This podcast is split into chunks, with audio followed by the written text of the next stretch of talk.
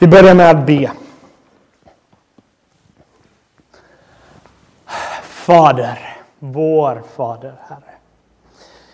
Vi ber denna stund för en stund som förhärligar dig, Herre, och förhärligar din son Kristus Jesus, Herre. Herre, väck en kärlek och längtan i oss efter din kyrka, Herre, som är ditt verk, som du har lovat att du ska bygga, Herre. I ditt namn ber vi. Amen. Det finns en uppföljare till Alice i Underlandet som heter Alice i Spegellandet. Det här, det här spegellandet är väldigt svårt att ta sig. För säg att du vill gå till ett hus som är precis framför dig. Då kanske man tror att man ska gå rakt mot huset för att komma till huset. Men när man går mot huset i det här spegelland så märker man att huset kommer längre och längre ifrån en. För att ta sig till huset måste man gå motsatta hållet. Så vardagslivet blir lite mer komplicerat när allt är spegelvänt. På många sätt vill jag hävda att Jesus här bjuder in oss till en viss typ av spegelmentalitet. Jesus bjuder in oss till spegellandet, ett annat sätt att tänka. Låt mig få återkomma till detta spegelland lite senare. Jesus och hans lärjungar har varit med varandra ett bra tag. Lärjungarna har sett Jesus eh, göra under och mirakel. De har sett han predika med makt och auktoritet. Och nu tar Jesus tiden att ta dem åt sidan och ställa en enkel fråga. Vem säger människorna att jag är? Och lärjungarna ger det censurerade svaret, alla, alla positiva svar. Jo, folk säger så här, eh, att somliga säger Johannes döparen, men andra säger Elia och andra Jeremia eller någon annan profet. Alltså, folk verkar uppfatta Jesus som en profet i linje med dem i Gamla testamentet som Jeremia och Elia. Och det här är inga mesiga profeter, det är profeter som konfronterar kungar och herradömen. Och de säger Jesus, du verkar vara i linje med dem. Du verkar vara Guds språkrör. Men sen ställer Jesus en fråga både till oss och till lärjungarna. Men vem säger ni att jag är? Och för första gången bekänner lärjungarna, här är det Petrus som är representanten, för första gången bekänner lärjungarna Jesus som Messias, Guds levande son. Messias var den efterlängtade konungen som profeterades i Gamla testamentet. En kommande kung som skulle sätta allting till rätta, stoppa ondska. Han skulle göra så att Guds rike skulle etableras på jorden så som i himlen. Och, och lärjungarna säger, det är du. Och Jesus säger, äntligen har ni fattat detta. Äntligen! Och det är faktiskt så klokt, Petrus. Det är så vist det du säger. Så det är inte du själv som har kommit på det. Det är inte din intelligens som har kunnat räkna ut det här. Det är din fader i himlen som har uppenbarat detta för dig. Salig är du, Simon Barjona, ty ingen av kött och blod har uppenbarat detta för dig, utan min fader i himlen. Och sen ger Jesus ett löfte till oss. Och jag säger dig att du är Petrus, klippan. Och på den klippan ska jag bygga min kyrka. Och dödsrikets portar ska aldrig få makt över den. Jesus säger att han inte kommit först och främst för att ha lite så konvertiter, lite individer här och där. Kristus har kommit för att etablera ett nytt folk en nytt folk, en, en kyrka. Han använder metaforen av att bygga en kyrka. Men, men det är inte en byggnad han talar om. Det, är ingen, det här kallar vi en kyrka, men kyrkan i Bibeln är Guds folk och det är dem han har kommit för att bygga. Kristna hade inte egna kyrkor förrän 200-talet efter Kristus. Utan Jesus säger jag har kommit för att bygga min kyrka, mitt folk. Och detta tror jag kan bli en stor tröst för oss idag. En stor tröst. Varför? För vi möter press utanför kyrkan som hånar tanken om kyrkan. Många undrar om kyrkans tid är över. Kan kyrkan verkligen leva 2018, 2019? Är inte kyrkans tid över? Kyrkobesöksantalet i Sverige är, är väldigt lågt. Och man kan undra, har kyrkan någon makt eller influens idag? Den kan uppfattas så betydelselös och maktlös. Men, mina vänner, inget är längre ifrån sanningen. För Jesus ger ett löfte att kyrkans seger står inte och faller på oss som individer, utan på Jesus Kristus. Och han har garanterat att kyrkan kommer ha det sista ordet. Inte världen, inte moderniteten eller postmoderniteten, utan kyrkan kommer ha. Varför? Jo, för, den för det, deras byggare är Jesus Kristus själv. Och det som kan verka så betydelselöst, maktlöst, ungefär som Jesus såg ut att vara på korset, kommer visa sig vara liv för världen. Det kommer vara bröd för världen. Det kommer vara världens ljus som lyser en värld fylld av mörker. Kyrkan kommer göra som det står i Apostlagärningarna. Den kommer vända världen upp och ner. Och mot alla odds, om och om igen, har kyrkan triumferat. Ingen trodde en samling av lite fattiga fiskare skulle kunna predika ett budskap som skulle bli, sprida sig mer än något annat rike eller ideologi någonsin har gjort. Alla tänkte att romarriket skulle vara för evigt. Och för oss är det någonting vi läser i historieböckerna, men kyrkan står kvar. Om och om igen triumferar kyrkan. Jag tror detta borde vara något som ger oss tröst. För vi kan hånas för att vi håller på med kyrka. Det finns till och med kristna som säger det här med kyrka borde vi ge upp. Vi borde ha kristendom utan kyrka. Och vi upplever kanske en hel del press utanför kyrkan som vill att vi ska anpassa oss efter denna världen. Att vi ska bli en kopia av denna världen eller sluta göra kyrka. Men Kristus har lovat att hans kyrka skall segra. Några av er kanske har hört talas om den kristne tänkaren G.K. Chesterton. Eh, nej, nickar alla. Eh, nickar, skakar huvudet. G.K. Chesterton var en briljant kristen journalist och filosof på slutet av 1800-talet och början av 1900-talet. Han var en av C.S. Lewis stora förebilder. Han är en sån här som skärpt person, rolig till och med. Men han skrev en gång en bok som hette The Everlasting Man. Och I denna boken så berättar han om fem tillfällen i kyrkans historia som det såg ut att kyrkan hade dött. Fem tillfällen där världens inflytande och makt verkar ha varit så mäktig så det såg ut som att kyrkans tid är över. Vem kan överleva dessa kritiker? Och på många sätt tror jag kyrkan i Sverige står inför samma typ av press. Där det kommer press utanför kyrkan som försöker pressa kyrkan att, att ge upp vad vi tror på. Ge upp den kallelse som Kristus kallar oss till. Vi kanske får ha kvar namnet kyrka, men det ska vara någonting helt annat än vad Jesus och lärjungarna föreställde sig. Och på många sätt tror jag världen och den kan så lätt infiltrera våra kyrkor och börja diktera så här gör man kyrka. Vi ska ge upp dessa urgamla kristna värderingar för vi är upplysta och vi vet bättre.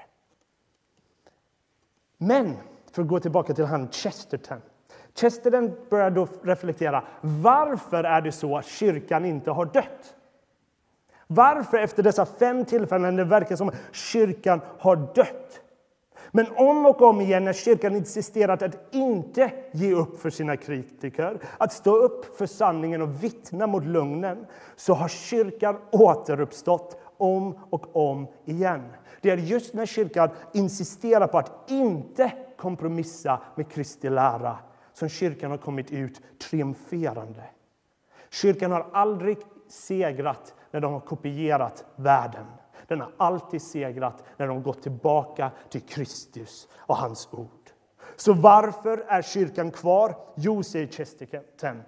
Varje gång kyrkan har dött så blir kyrkan påmind att de följer den korsfäste som visade vägen ur graven. Och därmed uppstått med nytt liv, med en profetisk röst som har utmanat världen och världen har vänts upp och ner om och om igen. Självklart, kyrkan måste reformeras, den måste förnyas. Men alltid ska det betyda att vi går tillbaka till vad Jesus säger av apostlarna för att kunna ta nya steg 2017, 2018. Så mina vänner, vår Herre har gett oss ett mäktigt löfte som ingen institution i världen har utom kyrkan. Och han säger att dödsrikets portar ska aldrig ha makt över kyrkan. Dödsriket var den plats man talade om, där var de döda vilade. Och det talar nästan som att Kristus har brutit upp, brutit sönder dörrarna. Så att döden har i slutändan ingen makt över kyrkan. Det är inte som att en armé kan komma och förinta kyrkan och där var kyrkans historia borta. Nej, säger Jesus. Om och om igen har det funnits någon diktator, någon politisk ledare som har sagt jag ska förinta kristendomen. Alltid har konsekvenserna varit massiv väckelse. Man verkar inte kunna förinta denna kyrkan. Mot alla odds så har denna kyrka kommit upp i nytt liv. Varför? Jo, för det är Jesus som bygger sin kyrka. Och av nåd bjuder han in oss till vår del av hans kyrka. Del av den berättelse där han håller på att återupprätta, återerövra sin fallna skapelse. Och han bjuder in oss till att spela en roll i hans berättelse. Där vi får vara hans kyrka, där himlen och jorden möts. Där folk kan få försmaker av det kommande riket. Där folk kan få försmaker hur det kan se ut när Jesus är kung. Och lokala kyrkor som denna är som ambassader, som, som en koloni från himlen som representerar Gud på ett väldigt operfekt sätt, men på ett verkligt sätt. Kolonier från himlen, kallade till att återgå till den kallelse som Kristus kallar oss till. Så vi borde få finna glädje i tanken av kyrka, för det är Kristus som bygger den. Och det är Kristus som garanterar att denna kyrka skall segra. Men problemet är att när lärjungarna hör Jesus säga jag är Messias, jag är kung, så hör de det med lite fel öron. De kommer med några förväntningar som inte Jesus hade tänkt sig. För vid Jesu tid så spekulerade väldigt många judar. Hur kommer det bli när Messias kommer? Hmm. Jo, Israel är ockuperat av romarriket. Så Messias, om han ska bli kung, det betyder att han måste krossa romarriket. Han ska komma med svärd och visa vem sannerligen är kung. Han ska bli upphöjd. Så Petrus och gänget tänkte nog så här. Hmm, vi behöver en strategi. Om Jesus ska bli kung och bygga den här kyrkan han talar om så måste vi lista ut hur vi ska ta bort romarriket, det korrupta judiska ledarskapet. Vi borde marschera in till Jerusalem med lite support, välja rätt tillfälle, strida, slåss, ta över templet, installera Jesus som kung. Han blir upphöjd, en felfri plan. Om kungar brukar vinna sina kungariken på detta sätt, hur ska inte kungarnas kung då vinna? Och därför, när Jesus säger i texten vi hörde att jag har kommit för att lida och dö så låter, det här, låter Jesus som en dåre för dessa apostlar. Dö! Det är du som ska döda Jesus. Tvärtom, du verkar ha missuppfattat det här. Jag älskar Petrus i vers 22, hur, hur naiv han kan vara. Då tog Petrus honom, Jesus, åt sidan och började tillrättavisa honom. Petrus tillrättavisar Gud. Hallå, du verkar ha missuppfattat ditt uppdrag. Följ min vilja. Jag vet bäst. Och Det är väldigt lätt att håna Petrus och skratta åt honom, men jag vet inte om jag hade gjort något annorlunda. Och jag kan tänka mig att även folk här inne i sina hjärtan vill tillrättavisa Jesus. Där de finner saker han säger är inte lämpligt. Där de finner att vi vet bättre nu. Jesus, låt oss städa upp det här med kristendomen eftersom du verkar ha startat ett litet stök här. Och kanske är det så att vi vill tillrättavisa Jesus precis som Petrus, fast med andra frågor. Och då tror jag Jesus bjuder in oss med öppna famnar. Ger oss sin frid och sin kärlek. Men sen bjuder in oss att bekänna honom som Herre och att han faktiskt har kontroll. Att han är faktiskt kung. Han vet vad han håller på med. Och sen gör Jesus någonting oväntat då. Eller, Jesus bjuder in lärjungarna till spegellandet. För lärjungarna ser att vinna Guds rike är att gå framåt och strida. Och Jesus säger, jag bjuder in er till ett spegeltänk. Jag ska gå totala motsatta vägen för att nå samma mål. För mycket av det Petrus och de ville ha var rätt. Ja, Jesus skall gå till Jerusalem. Ja, Guds rike är här väldigt snart. Ja, Människosonen kommer bli upphöjd. Ja, Jesus skall stoppa ondska. Ja, Guds vilja ska ske på jorden så som i himmelen. Men detta rike ska etableras på exakt motsatta sättet. Jo, död och lidande ska ske, men det ska inte vara Jesu fiender som dör och lider. Det ska vara Jesus själv. Och visst, Jesus kommer konfrontera det korrupta judiska ledarskapet, det korrupta romerska ledarskapet. Och det kommer se ut som att det är de som vinner över Jesus när Jesus hänger blodig övergiven på ett kors. Men det är bara en tidsfråga där det visas vem som är den sanna segraren. Det som kan se svagt ut i världens ögon, som kyrkan, som Kristus korsfäst, kommer ut triumferande ur graven.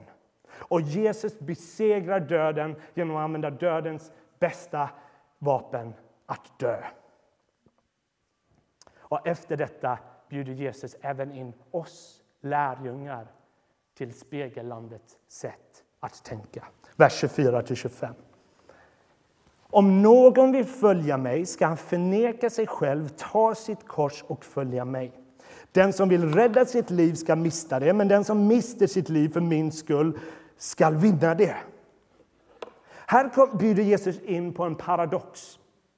För frälsningen i Bibeln är en fri gåva av Gud. Du kan inte förtjäna det. Det är en fri gåva du kan ta emot endast kan ta emot. Men Jesus kallar dig till också ge hela ditt liv till honom. Och Jesus utmanar hela vårt samhälles sätt att tänka. För när vi talar om att vi ska hitta oss själva så tenderar vi att tänka att vi ska kolla in till oss själva. Vi ska följa vår, vårt hjärta, vår intuitiva känsla. Vi ska inte låta någon bossa över oss. Vi ska vara Herre. Så finner vi oss själva. Men Jesus verkar vända allting upp och ner. Visst, vår intuitiva magkänsla kan vara bra och vi kan forma den till något bra. Men Jesus utmanar din intuitiva magkänsla för att processorn är trasig. Och därmed så kan vi uppleva att frihet är att bara följa vår magkänsla. Men varför är det människor mer deprimerade än någonsin när de följer denna princip? Det är detta som gör människor säga så här.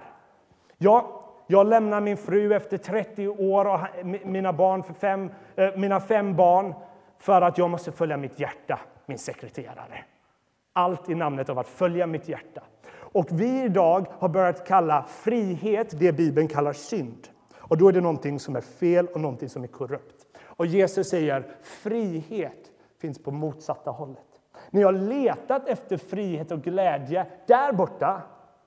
Men det är här, hos Jesus. Han pekar åt rätt håll, där vi springer och letar efter något vi aldrig hittar. Och han bjuder in oss till att sann frihet finns hos honom. Och han bjuder in oss att ta upp våra kors, att följa honom. Så det innebär visst Förföljelse kommer ske för kristna oavsett det är fysisk förföljelse, andlig förföljelse, psykologisk förföljelse. Men mitt i det där korsmärkta livet så får vi någonting större. Livet själv, Jesus Kristus. Så vad betyder det att vi ska förneka oss själva?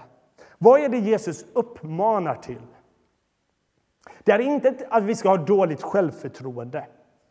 Det är inte att vi ska ha ett asketiskt liv, att vi ska fly till öknen och ha aldrig kul igen. Det verkar inte alls vara så Jesus levde. Att förneka sig själv verkar handla om att avsäga sig själv som det dominerande elementet i livet. Det är att byta ut sig själv som centrum av universum och ha istället Kristus och Gud som objektet av vår lovsång och tillbedjan. Det är att be låt din vilja ske över låt min vilja ske. Det är att leva för Guds rike på jorden snarare än mitt rike på jorden. Det är att leva för någonting större. Och Det paradoxala med kristendomen är att när du förnekar dig själv så finner du dig själv. Och Det här finns överallt i Nya testamentet. Det är när vi ger som vi får. Det är när vi dör till oss själva vi får liv. Den största ska bli minst. Paulus säger när han är svag är han stark. Jesus bjuder in oss till spegellandets mentalitet, spegellandets sätt att kolla. När han bjuder in oss till det korsmärkta livet.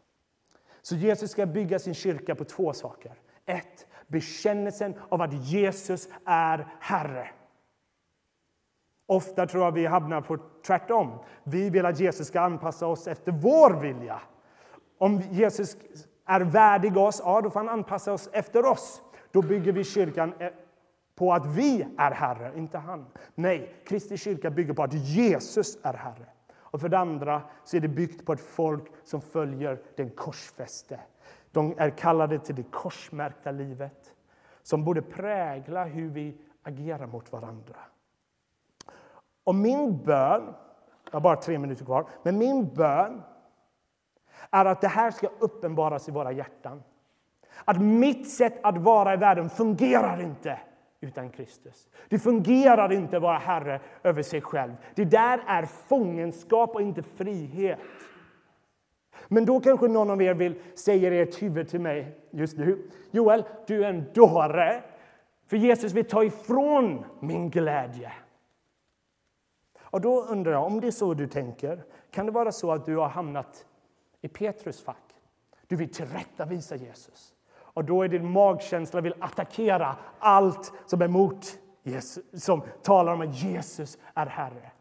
Och därmed förblindar du dig själv för sann frihet och glädje som finns i Kristus. För Kristus har inte kommit för att ta bort glädje, eller njutning, eller frihet. Han vill rikta våra begär och det mest njutbara. Han vill ge oss evig glädje, inte bara temporär njutning. Han vill ge oss av sig själv, någonting bättre, någonting ljuvligare. Då vi finner Kristus mer attraktiv än världen, mer attraktiv än, än synden. Det är detta Jesus bjuder in oss att påbörja i våra liv. Där vi utmanar våra hjärtan och vi riktar våra hjärtan mot Kristus. Så det här med kyrkan, mina vänner, är ovärderligt. Kristus säger att hans kyrka kommer segra. Inget kan stoppa han. Inte, inga världsmakter, inga andemakter. Kristus har garanterat sin seger. Vi har en garanterad seger. Och detta betyder att ha ett hjärta för riket betyder att man har ett hjärta för kyrkan. Man kan inte ha ett hjärta för riket utan att ha ett hjärta för kyrkan. Det är det Jesus bjuder in oss till, för det är det han har tänkt att bygga. Och vi kan trösta oss med att när kyrkan ser svag ut så påminns vi oss att den följer den korsfäste som såg svag ut. Men när han var svag och såg maktlös ut var han som mäktigast. Och han triumferade på ett kors. Det är Jesus vi följer. Han som tog upp våra kors i en annan bemärkelse. Han som utgav sig själv till oss. Han som på ett sätt förnekade sig själv för att tjäna andra. Det är han vi tillber, älskar och lovsjunger och prisar och njuter av och inväntar. Och han har gett ett löfte att hans kyrka ska aldrig gå förlorad. Och även när vi dör på denna jorden så kan vi finna hopp i Jesu ord. Jag är uppståndelsen och livet. Den som tror på mig ska leva om han än dör. Och den som lever och tror på mig ska aldrig någonsin dö. Amen.